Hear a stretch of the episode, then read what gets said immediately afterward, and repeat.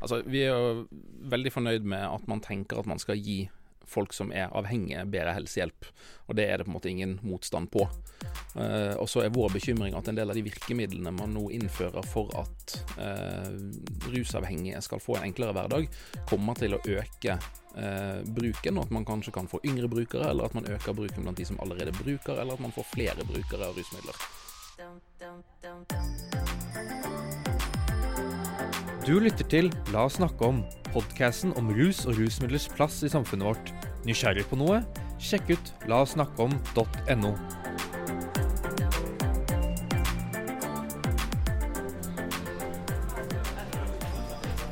Hvis du følger litt med på hva som diskuteres rundt omkring, så har du kanskje fått med deg at en ny rusreform er på vei. I fjor bestemte nemlig regjeringa seg for at de vil gjøre noen endringer på måten staten reagerer når noen blir tatt for å bruke eller ha på seg narkotika. Og Kort fortalt så ville de at man eh, istedenfor å straffe folk som blir tatt, så skal man heller finne en måte å gi dem hjelp og behandling og oppfølging i stedet. Så eh, det regjeringa gjorde, det de ofte gjør, de satte ned en komité, et eh, utvalg, eh, på en måte en slags gjeng av eksperter, da, som skulle lage et forslag til hvordan en ny lov kan se ut. Og Like før jul så kom de med et forslag til uh, en ny rusreform, og den fikk jo uh, blandede mottakelse. Noen var veldig begeistra, andre var uh, veldig lite begeistra. Uansett, jeg har lyst til å finne ut mer om dette forslaget til en ny rusreform. Både hva som er bra med det, og hva folk ikke syns er så bra. Så akkurat nå er jeg på vei til Rio, altså ikke byen i Brasil, men til organisasjonen RIO, eller Rusmisbrukernes interesseorganisasjon, som det heter. De eh, har akkurat flytta inn i nye lokaler midt i Oslo sentrum. Og daglig leder Kenneth Aktander han er en av de som har vært med i Rusreformutvalget. Han har ikke fått noen møbler på kontoret sitt eh, ennå, så vidt jeg har forstått. Men jeg antar at han sitter i en vinduskarm der oppe og eh, venter på meg. Så jeg skal prøve å snakke litt med han, finne ut hva denne rusreformen er for noe, og hvorfor han sjøl er så veldig fornøyd med de lovforslagene de har kommet frem til. En rusreform kan jo være veldig mye, da. Eh, det kan jo være en hvilken som helst politisk reform du gjør på rusfeltet. Vi har jo eh, eh, Jeg var jo litt sånn overraska over at man kalte den avkriminaliseringsreformen som vi har nå, for en, en rusreform. Fordi at vi har jo brukt det uttrykket før. Blant annet så hadde vi rusreform 1 og rusreform 2, som handla om å gjøre rusbehandling til spesialisthelsetjeneste, hvor man flytta det ut av fylkeskommunen og inn i inn i sykehusene, da, som var jo en på sett og vis større reform eh, enn det som vi skal gjøre i dag. Men ja, nå, nå, tar du hele historikken her. Det er ikke sikkert at alle som hører på, kjenner til det. Men, det, men dette går på at liksom, måten samfunnet har forholdt seg til uh, rusmidler, har forandra seg gjennom årene? ikke sant? Ja, Nei, egentlig ikke. Altså, grunnen til at jeg, det jeg gjør nå, er at jeg kritiserer rusreformuttrykket. Uh, mens det vi, Så jeg beskriver på en måte hva man har kalt for en rusreform tidligere. Og dette her er noe ganske annet. Uh, fordi dette her handler egentlig om en eh, mindre lovendring. Uh, hvor man avkriminaliserer alle illegale rusmidler. befatning med det som dreier seg om til eget bruk. Altså besittelse til eget bruk og bruk. Og at det skal være straffefritt. og at man fremfor da å straffe, som man skal slutte med, så skal man gi tilbud om hjelp. Ja, for det, betyr, det, er ikke det samme som at det er lovlig, ikke sant? når man sier at noe avkriminaliseres. Mm. Nei, og i hvert fall ikke slik som vi, vi, har foreslått det. Det vil fortsatt stå i loven at det er uh, uttrykkelig forbudt. Uh, vi har jo eksempler på andre ting vi har avkriminalisert, men som fortsatt ikke er lov. Uh, F.eks. så avkriminaliserte man feilparkeringer i 1963, sånn at uh, det ligger også da inn i det vi kaller for det sivilrettslige. Eh, du har jo sikkert hørt om eh, folk som gjør ting som ikke er lov, eh, men som ikke straffes, men som da blir behandla på en sivilrettslig måte. og Det er derfor man bl.a. har sivile søksmål og ja, sånne ting. Sånn at det er ikke Det er jo i hvert fall ikke Må ikke få feste seg en, en slags misforståelse om Eh, at dette her handler om en eh, legalisering. Eh, det vil fortsatt være forbudt. Det vil bare ikke være straffbart. Mindre mengder narkotika når det er til eget bruk. Eh, ok, så nå sitter jo vi uh, i et kontorbygg med utsikt over Plata. Så la oss si at jeg hadde gått nedover gata her som du ser uh, utenfor, og så hadde jeg tent opp en joint. Politiet ser meg. Hva ville skjedd da? Etter den, hvis den modellen som vi har foreslått, hadde vært vedtatt, og politiet hadde fulgt praksis, altså hvordan de skal gjøre det, da, så ville de ha eh, gått bort til deg. Eh, de hadde kanskje ikke spurt hva du dreiv med, hvis de, det var åpenbart hva du dreiv med. Eh, og så hadde de eh, konfiskert den jointen, da. Eh, og så ville de ha eh, mest sannsynlig tatt en overfladisk visitasjon av deg. eh, som betyr at de ville sjekka lommene dine. Ehm, og ikke analen din. Det er forskjellen. Takk for det. Ja, men det er slik det er i dag. Så har politiet anledning til å eh, med tvang Altså at du må kle deg naken.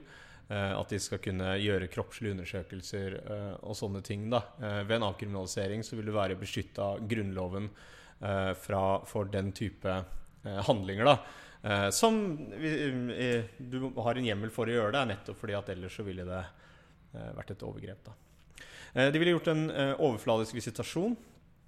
Eh, kanskje tatt en tegn- og symptomer-test på det. Jeg tror ikke de hadde giddet det. liksom Du, du har jo allerede stått og røyka den jointen. Og så hadde ikke de trengt noe mer De trenger egentlig ikke noe mer bevis enn at de tror at du har brukt et illegalt rusmiddel.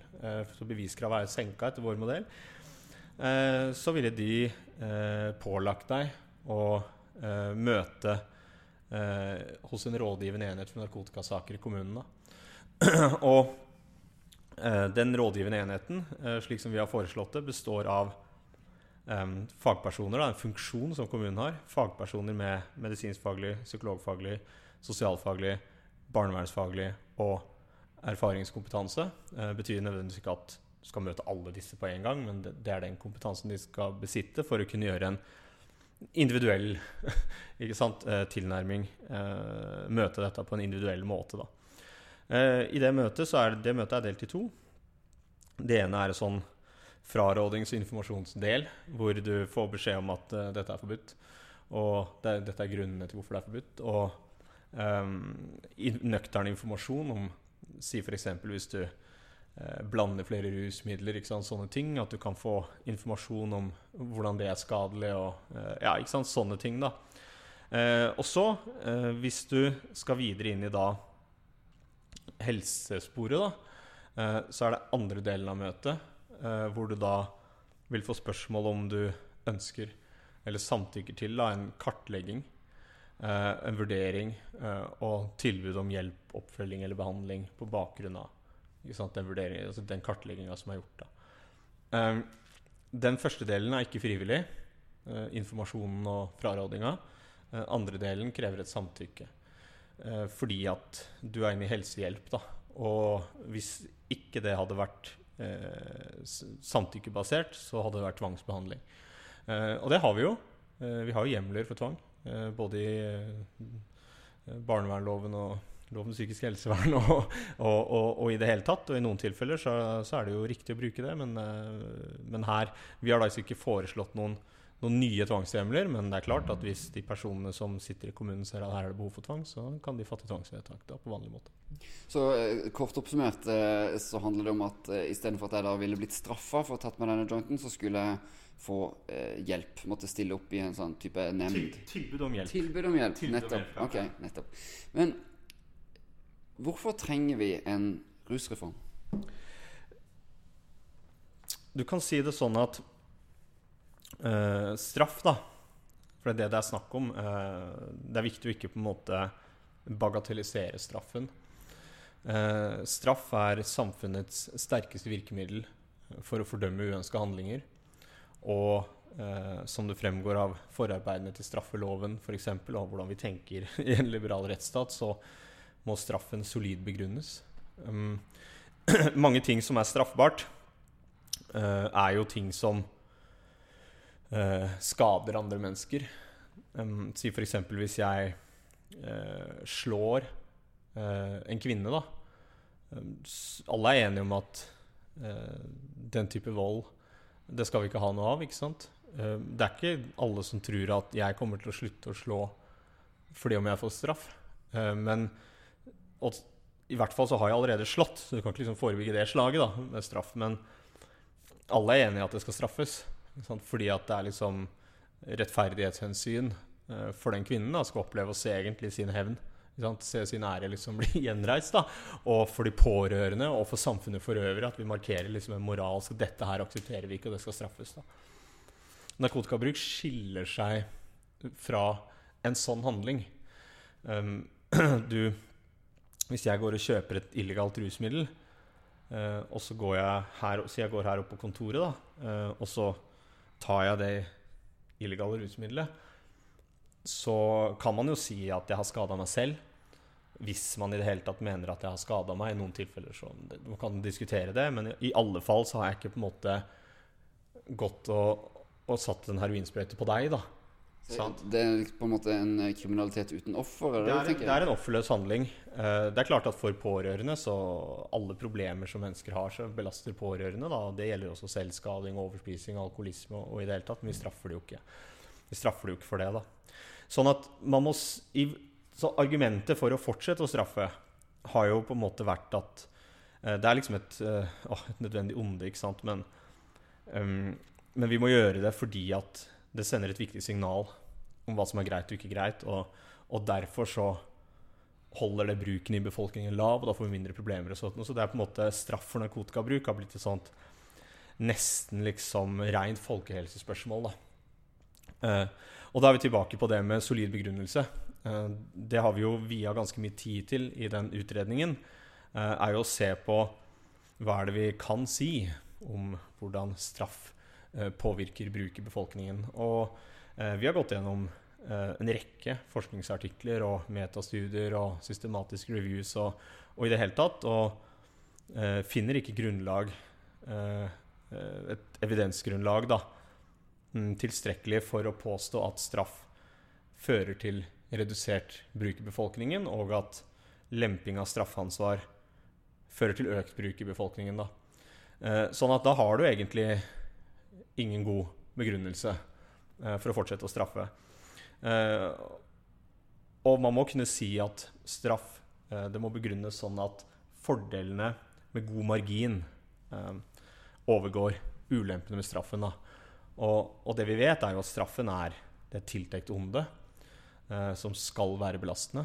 Mm, det skal stigmatisere. Liksom, poenget med det rullebladet er jo at det er enkelte yrker som er stengt for deg, og eh, sånne ting.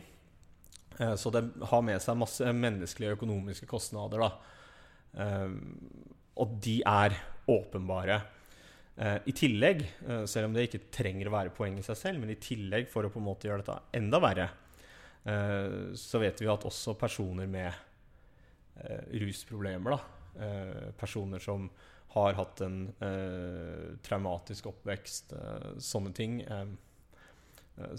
blir påført liksom de, de belastningene som straffen gir. da. Blant annet så her i Oslo, hvor vi sitter nå, så på Oslo øst så straffes ungdom tre ganger så mye som ungdom fra Oslo vest. Til tross for at ungdom på Oslo vest røyker dobbelt så mye cannabis. Ungdom med foreldre med lavere utdanning har syv ganger høyere risiko for å bli straffeforfulgt enn ungdom med foreldre med høyere utdanning. Og det vi vet, er jo at eh, i hvert fall nyere forskning tyder jo også på at straffen, at de stemplingsteoriene som vi eh, som har drevet med sosiologi, eh, alltid har snakket om, da, at det har noe, har noe for seg. At personer som først havner i Eh, straffesakskjeden har en tendens til å fortsette i den. da, Med en kriminell løpebane, antisosial atferd osv. Så videre.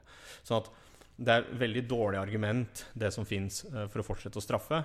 Og det fins veldig gode argumenter for å slutte med det og heller tilby hjelp og oppfølging. Samtidig så er jo litt av på en måte kritikken her at vi dermed mister liksom viktige forebyggingsverktøy. da, Um, jeg tenker ikke at straff er et forebyggingsverktøy. Uh, straff er uh, et onde som vi på en måte påfører et menneske etter at en handling har skjedd. altså ikke før. Og vi har en, etter hvert en del kunnskap om hva som virker forebyggende. Eh, og det er jo altså, økonomisk omfordeling, organisert eh, aktiviteter som ungdommen kan være med på. Eh, ungdomsklubber. Eh, øke eh, tid hvor barn er sammen med foreldrene. At foreldrene har god kunnskap om barneoppdragelse ikke Så videre, osv. Så sånn at det er mange ting vi skal gjøre for å forebygge rusproblemer. da. Og jeg deler jo bekymringen for ungdom, da, sårbar ungdom, de som har, står i fare for å utvikle rusproblemer. Som jeg nevnte, så har de ofte vært eh, belasta fra før av. Eh, det er ikke tilfeldig hvem som blir rusavhengig og får rusproblemer. Um, ofte har de eh, komplekse traumer, andre ting. Aldri lurt å møte det med straff eller trussel om straff. da Du finner det ikke anbefalt i hos noen liksom internasjonale faginstanser at en god forebyggende praksis er strafferettslige virkemidler. Ja. Men, men, likevel så er det jo sikkert noen som vil si at uh, nettopp den trusselen om straff virker forebyggende. Det å vite at dersom jeg bruker dette stoffet, så kommer jeg til å få straff? Eller? Ja, det er en innvending. Uh, den uh, har ikke særlig mye dokumentasjon, men det er en innvending. Um, og men den er ikke god nok ikke sant, til solid å begrunne. Det følger ikke det kravet om solid begrunnelse av straff. Da. Uh, man kan jo si at i trafikken f.eks. så regulerer folk atferden sin fordi vi har gjennomsnittsmålinger på fart og ikke sant, sånne ting. Ja, tenker jeg Oppdagelsesrisikoen er ganske høy i trafikken uh, i forhold til f.eks. For hva den er på bruk av narkotika, da, hvor oppdagelsesrisikoen er veldig lav. Sånn at jeg tror de færreste som på en måte Så når det kommer til illegale rusmidler, da, tror at hvis jeg går med et illegalt rusmiddel på meg, så løper jeg en sånn kjemperisiko for å bli straffa. Jeg tror liksom ikke det Det er ikke det som pleier å skje. Men, men, eh, det var også en annen kritikk som jeg har hørt eh, folk si. Det er jo denne mengden med narkotika som man kan ha på seg. Ja. Den, den, der er du ganske raus. Ja, det spørs jo på størrelsen på personen, holdt jeg på å si. Men, uh, men uh, ja, jeg, hvor, hvor, mye er det man kan ha med seg av for, forskjellige stoff? Altså? Ja, altså, jeg kan jo forstå, jeg kan forstå bekymringa. Jeg bare retter opp i én liten feil, som du sier. da Og det er jo, grunnen til du sier det, er jo nettopp fordi at andre sier det. Da. Blant annet har jo Aktis skrevet det og sånne ting. Altså, det har aldri vært foreslått at noen kan ha noen ting på seg som helst. Eh, og det ligger jo i det at det er forbudt. Det er ikke lovliggjøring, da. Det er liksom viktig. Men det møtes med andre typer reaksjoner enn straffeforfølgelse. Eh, det vi har foreslått, eh, som er jo da kilde til frisk debatt, er jo fem gram heroin, fem gram amfetamin, fem gram kokain, 15 gram cannabis, tre syrebiter, ett gram MDMA en desiliter GHB, to kilo katt, 50 gram sopp. Eh, da må jeg få meg ny frakk, merker jeg, hvis jeg skal få plass til alt dette her. Ja, bare, hvis du, bare hvis du skal ha på deg de tingene som eh, tar mye plass, da. Eh, som, det er jo egentlig den katten. Alt det andre er jo på en måte Altså Hvis du hadde sett det foran deg, så hadde du ikke tenkt at det var så utrolig mye allikevel. da. Det bare høres, høres veldig mye ut, men det er men man kan, liksom, man kan jo mene at ja, det vil være lurt å ha lavere terskelverdier. da Og så er jeg sånn Ja, hvorfor det? Da er jo, ja, fordi at det skal forhindre salg. Og da blir jeg sånn Jo, jo, men det er jo helt usaklig å mene, fordi at salg er jo ikke bruk og besittelse. Sånn at salg eh, er jo fortsatt i Vil jo fortsatt være i straffelovens paragraf 231, uavhengig av mengde en strafferamme på inntil to års fengsel. Sånn at du, hvis du går med 0,5 gram heroin på deg, eh, og, og, du blir tatt for salg, så blir du straffa. Eh, sånn at da snakker man liksom om at man skal liksom ja, på en måte straffe folk for noe som det kan hende at de har gjort, eller kan hende at de ikke har gjort. Og det tenker jeg er bare et uttrykk for den der rettsløsheten som har fått lov til å uh, finnes uh, fordi, det er, fordi, det er, narkotika. Da. Du kan si det sånn at hvis du setter terskelen for lavt. Jeg argumenterte jo på Fagerås høringskonferanse at jeg syns at vi har satt dem litt lavt. Uh, det blei jo, Jeg så det var noen som liksom ble veldig rød uh, i salen der. Grunnen til jeg sa det, var fordi det var en kvinne i Lister kommune som for noen uker siden, 53 år gammel kvinne, ble dømt i Kristiansand tingrett for å være i besittelse hjemme da, av 2,5 gram amfetamin og 4,6 gram metamfetamin, og fikk 18 dager i fengsel. Det er over terskelen av hva vi har foreslått. Så hun ville fortsatt fått 18 dager i fengsel. Jeg syns fortsatt det er feil. Så det er nå det. Setter du liksom tersklene for lavt, da, eh, så kan man jo spørre seg Si hvis du gjør det da til ett gram amfetamin eller ett gram heroin. Så kan du på en måte spørre personer som jobber med, med rusavhengige i Oslo, da, uteseksjonen og andre steder, at ja, hvis vi har de tersklene, da, tror du med overveiende sannsynlighet at brukere fortsatt vil havne i straffesakskjeden? Ja, åpenbart. Det vil alle, eh, alle personer som jobber med den gruppa, gruppa si. Eh, så jeg ville forstått det hvis det var snakk om legalisering ut ifra det argumentet som er. Uh, men det er det altså ikke. Det er snakk om en avkriminalisering, det fortsatt er forbudt. Politiet kan avdekke osv. osv. Uh, har de grunn, objektive grunner til å tro at det er salg, så er det straffesakskjeden av vanlig type tilgang til tvangsmidler som de har i straffeprosessloven uansett. Da.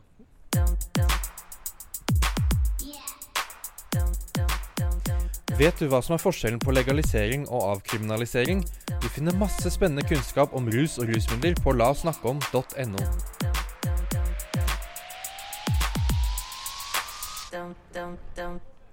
Kjetil Østerås, du er daglig leder i Juvente, og jeg har forstått det sånn at du er ikke så veldig begeistra for dette forslaget til ny rusreform. Men hvor, hvorfor det? Altså, Vi er jo veldig fornøyd med at man tenker at man skal gi folk som er avhengige, bedre helsehjelp. Og det er det på en måte ingen motstand på. Uh, og så er vår bekymring at en del av de virkemidlene man nå innfører for at uh, rusavhengige skal få en enklere hverdag, kommer til å øke uh, bruken, og at man kanskje kan få yngre brukere, eller at man øker bruken blant de som allerede bruker, eller at man får flere brukere av rusmidler. Sånn at Det viktige poenget for oss har jo vært å se om den totale mengden bruk av rusmidler, og dermed problemene som følger av den bruken, om det øker eller ikke.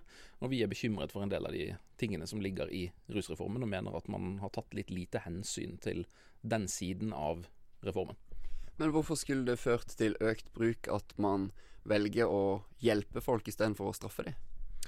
Altså, det er jo en pågående diskusjon om hvilken effekt straff har i seg sjøl. Eh, men vi mener jo at for det første så må man jo se på hvilke typer straff som finnes. fordi at man oppfatter uh, ofte i den Når man snakker om reformen, så høres det veldig ofte ut som om, om man snakker om straff som det var 1821, og man setter folk på tukthus eller hva det nå er. Men uh, at uh, det finnes virkemidler som man på en måte kan bruke innenfor innenfor det juridiske sporet, som faktisk innebærer at folk får hjelp. Eh, men vi snakker kanskje særlig da i forhold til ungdom, der eh, evnen til konsekvenstenkning kan være litt begrenset, og der man vil ha behov for en eller annen form for ytre press for å velge å motta helsehjelp man trenger. Men eh, Kenneth Aktander, som har sittet i dette rusreformutvalget, han, han, sier jo at dette det er på en måte bevist. at Straff funker ikke, uansett. Eh, altså Basert på det som utvalget begrunner det med, så er det litt tynt å si at straff ikke fungerer. Blant annet fordi at man har ikke sett på ulike former for straffereaksjoner. Man har ikke sett på effekten det har på ulike målgrupper. Eh, og veldig mye av det man legger til grunn, f.eks. den ene studien som de gjerne henviser til, som da sier at effekten på endring i eh, lovverk for narkotikaforbrytelser ikke hadde stor effekt, eller hadde veldig variabel effekt på på bruken i befolkningen, den har jo ikke sett på f.eks. avkriminalisering. Den har sett på alle typer endringer, og sett om de er da innskjerpinger, eller om det er mer liberal eh, politikk. Eh, og så er jo da utfordringen med det er jo at det er ingen steder som f.eks. sier at befolkningen har oppfattet disse endringene. Man har på en måte bare sett at det har vært innført endring. F.eks. har man økt eh, bøtesatsene for bruk og besittelse. Eh, men man har ikke sjekket om befolkningen har fått dette med seg. Så man vet ikke liksom, forskjellen på totale rusreformendringer i lovverket som er omfattende og godt diskutert, eller små endringer i bøtesatser. Uh, og det man også ser er at I de landene som har lav bruk, så har disse liberaliseringsendringene ført til uh, Eller det har i hvert fall vært en markant økning i bruk i etterkant av disse endringene. Sånn at det man må gjøre, er jo i hvert fall at som et minimum at man ser på hva er den norske konteksten, hvilke utfordringer har vi her, hva er det som er positivt, hva funker. Eh, og vi har lavt forbruk av narkotika blant ungdom. Og det betyr også at vi har et større potensial for økning enn det man vil ha mange andre steder. Men disse bekymringene dine, handler de først og fremst om ungdom? Er det de du er bekymra for? Juvente er jo en ungdomsorganisasjon, sånn at vårt fokus er primært på ungdom. Uh, vi ser jo på en måte også at en del av de tingene som uh, fester seg på en måte i ungdomstiden, også får uh, videre effekt inn i voksentiden. Sånn at det er jo ikke sånn at vi tenker at liksom så lenge du er har passert 18, så er det liksom ikke vårt problem lenger. Men at jo yngre man er, jo større er skadepotensialet på bruk av rusmidler. og jo større er sjansen for at man får problemer seinere også. Vil det ikke også være et problem for ungdom at man f.eks. blir tatt med noe småtteri av ulovlige stoffer på seg, og så får man dette på rullebladet, og så får man plutselig en, en historie med politiet? Det er helt klart uh, en diskusjon om hvilke type virkemidler man skal ha når man møter f.eks. unge som eksperimenterer med rus. Hva er på en måte de gode reaksjonene, hva er det som har positiv effekt? Uh, og vi mener at på en måte den diskusjonen bør man ha ganske mye bredere enn det Rusreformutvalget legger opp til, som har plukket ut noe kunnskap som uh, de er komfortable med er et godt grunnlag, og så ser man på en måte bort fra en del annen kunnskap, og så konkluderer man med at alt dette skal vekk. For det de ønsker er jo ingen form for reaksjon overhodet. Og vi mener jo at det er veldig viktig at man har en differensiert modell, der de som har rusavhengighet, møtes på en annen måte enn de folka som eksperimenterer med rus i helgene. Dette rusreformutvalget har jo også satt noen terskelverdier som gjør at du kan bli tatt med en viss mengde narkotika uten at det får eh, noe følge sånn med politiet. Eh, hva, hva, tenker du om disse verdiene? Er ikke det en god løsning for å beskytte ungdom mot, eh, mot å havne i trøbbel? Altså For det første så er det jo viktig at eh, hovedproblemet med rusmidler er jo bruken av de, og det er der de største skadevirkningene oppstår. Sånn at Det er ikke sånn at eh, skadevirkningen av rusmidler oppstår idet du blir tatt av politiet. Eh, når de terskelverdiene er såpass høye som de er eh, så Noen mener at de er for lave? Ja, og det er jo også en eh, diskusjon man kan ha. Eh, men der er det jo igjen spørsmål på en måte hvilke hensyn man, man, skal ta. Og vi mener jo at de terskelverdiene, når de er såpass høye, så vil det gjøre det mye lettere for folk å ha kvanta på seg som er egnet for salg, men som fortsatt er under terskelverdiene. Så vi er jo bekymret for at de eh, salgsmiljøene nå vil bruke barn og unge til å ha på seg eh, mindre kvanta med stoffer, og bruke det som et slags, eh, slags sånn, salgsnettverk. Eh, vi ser at måte det, det, gjøres en god del allerede i dag, og nå vil jo risikoen for eh, negative konsekvenser eh, og oppfølging, og ikke minst dette med at du ikke nå vil ha lov til å eh, ransake, sjekke mobiltelefon, eh, sjekke leilighet og sånt, den muligheten forsvinner for politiet, med, med, mindre man på en måte har grunner til å anta at dette er salg. Og Det betyr også at man i mindre grad vil avdekke salg, og da vil det være lettere å være selger.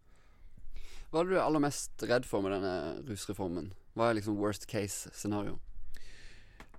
Det vi er mest bekymret for, er jo enten at man får flere brukere av rusmidler generelt, at du øker bruken blant de som allerede bruker, eller at du får yngre brukere. Altså rett og slett at den generelle bruken av rusmidler i befolkningen øker på et eller annet vis.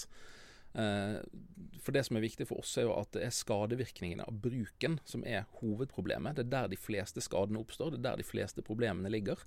Eh, dette gjelder særlig for ungdom.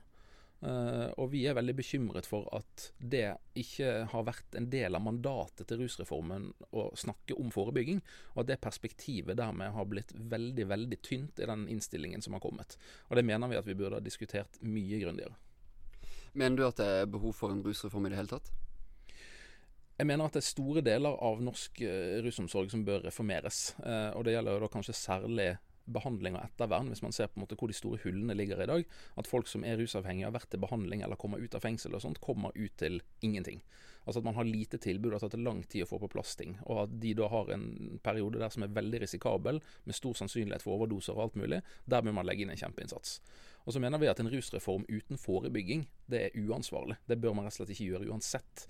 Sånn at vi mener at man i større grad bør se til Island og se hva de har gjort der, med en omfattende innsats på forebygging og eh, informasjon og uh, andre tiltak helt fra barnehage og ut videregående, eh, som har ført til store endringer der.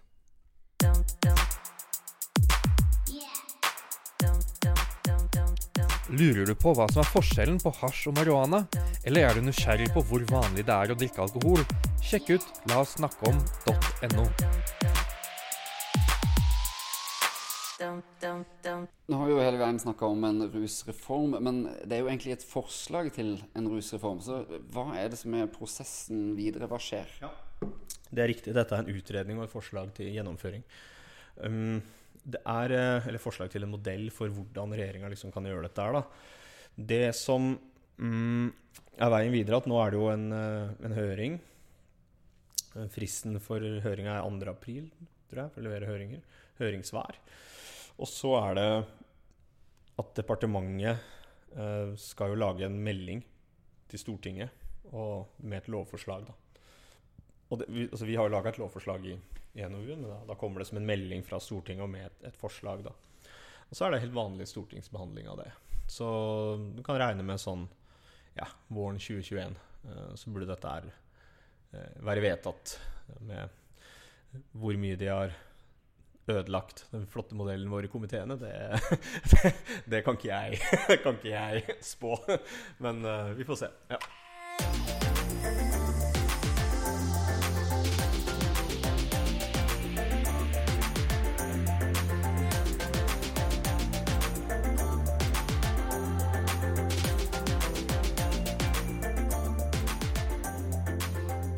Denne podkasten er finansiert av Ekstrastiftelsen og produsert av Brainify på vegne av ungdomsorganisasjonen Juvente.